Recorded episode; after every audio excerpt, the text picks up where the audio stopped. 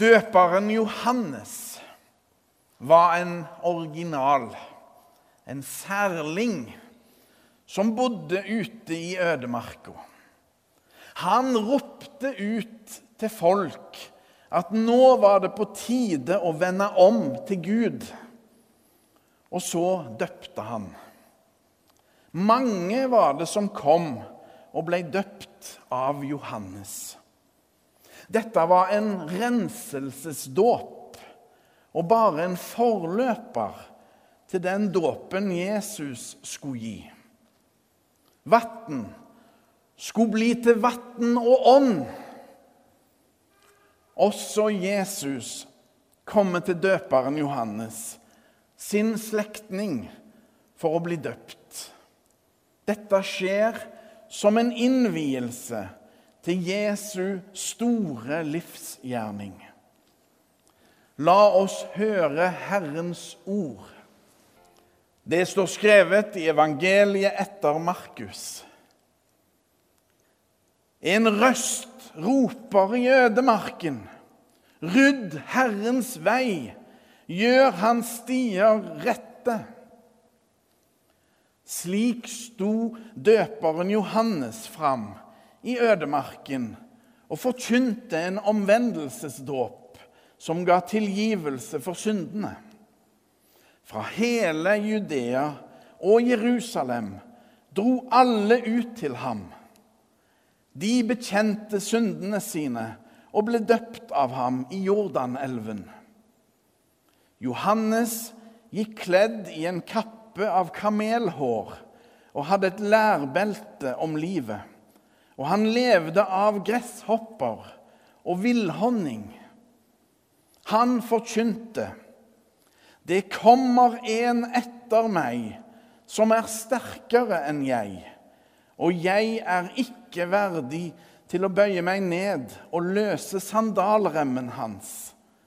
Jeg har døpt dere med vann, men han skal døpe dere med Den hellige ånd.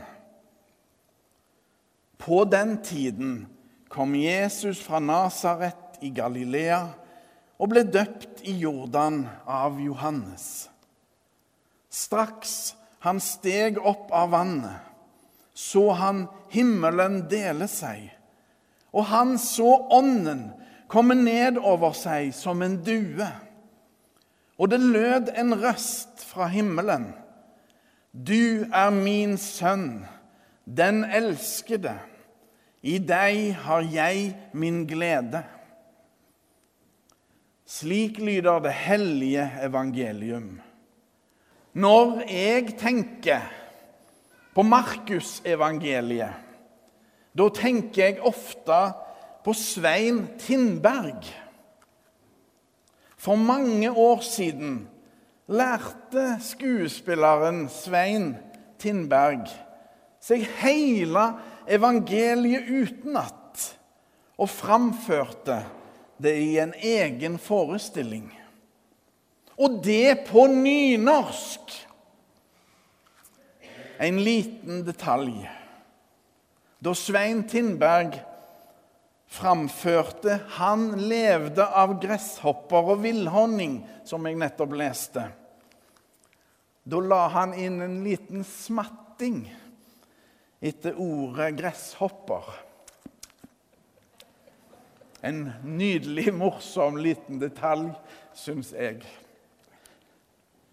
Tindberg forteller at han opplevde, særlig her på Vestlandet, at noen satt med Bibelen foran seg for å sjekke at han fikk med seg alt. Mellom linjene i det vi leser, er det kjærligheten som formidles. Så er den store utfordringen å klare å få den fram. Kjærligheten. Guds kjærlighet til oss mennesker. Både i ord og i handling slik den nettopp, denne kjærligheten, er blitt vist i dåpen av Amanda. Og så betyr Amanda 'den som bør elskes'. For et nydelig navn dere har valgt henne. Og så går det en 2000-årig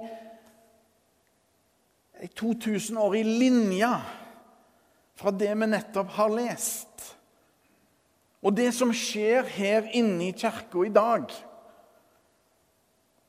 Det er den samme kjærligheten som er virksom. Gud er kjærlighet.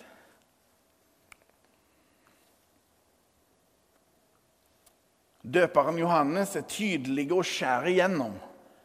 Det kommer en som er sterkere, mye sterkere. Han peker på Jesus. Han tar sterkt i, men aner kanskje bare litt av omfanget av Jesu gjerning. Og hvor avgjørende viktige Jesus er. Det kan tyde på at døperen hadde sett for seg at Jesus var strengere og mer hardhendt i møte med mennesker. Jesus kunne være det òg. Eliten, de som hadde makta, de skriftlærde og fariserene, var han knallharde mot. Men mot de fordømte og utestengte, de små og svake, var det den milde Jesus som gjaldt. Jesus snudde opp ned på det meste der. Han løfta de opp, gjorde barna til troens idealer og viste oss hva kjærlighet og sannhet er. Jesus levde som han lærte slik bare en som er Guds sønn, kan. Det dreier seg om Guds frigjørende kjærlighet. I den er vi sett og avslørt, men òg frikjøpt og elska. Guds kjærlighet strekker seg fra fortida og har sitt sentrum i Jesus, vår redningsmann. Og blir formidla videre av alle generasjoner siden. Kjærligheten gjelder like til i dag og strekker seg inn i framtida, ja, evigheten. Og det lød en røst fra himmelen. Du er min sønn, den elskede. I deg har jeg min glede. Nå i åpenbaringstida er dette fokus. At Jesus faktisk er den han ble erklært å være. Guds sønn, vår Herre og Frelser. Vårt store håp han ser oss slik vi faktisk er. I Han er vi frikjøpt og elska. Uansett hvor mange svin på skogen vi måtte ha, hvor mange dumme og feilaktige valg vi måtte ha gjort. Jesus elsker oss med en guddommelig kjærlighet. Hans omsorg sprenger alle rammer slik hans frelsesverk, hans død og oppstandelse, sprenger alle rammer. Hva er det å være kristen egentlig? Hva er det å være kristen? Jo, det er å være døpt og leve i dåpens nåde, som det heter i den gamle kirkebønna og tro på Jesus. Den gangen vi ble døpt, ble vi bårne av kjærlige armer inn i den gode varmen, tatt inn i fellesskapet, akkurat som Amanda i dag. Det er det kristne fellesskapet. Å bli båren, og å bære hverandre. Å være elska og å elske. Å få lov til å være den en er. Som et barn. Elska. Guds kjærlighet utgjør den store forskjellen. Jesus gjelder alle. Vi er alle avhengige av hjelp.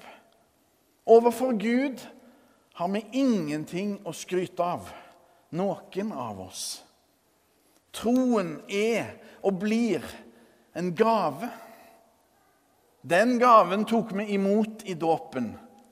Og troens liv får næring i form av litt brød og vin her framme. Helt konkret. Tilbake til skuespilleren Svein Tindberg og Markusevangeliet. Da VG i sin tid anmeldte forestillingen, ga de terningkast seks. De var svært begeistra og skrev. Og det beste av alt var at det ikke var noen form for forkynnelse. La de få lov til å tro det. For det var jo faktisk kun forkynnelse. Det var hele bibelteksten som ble formidla. Og så ringte de fra et av våre naboland. Et av våre naboland. Det ringte de, og siden de hadde hørt om denne store teatersuksessen og var meget nysgjerrige på detaljene, så de spurte rett og slett etter manus. Ære være Faderen og Sønnen og Den hellige ånd, som var, er og blir en sann Gud fra evighet og til evighet. Amen.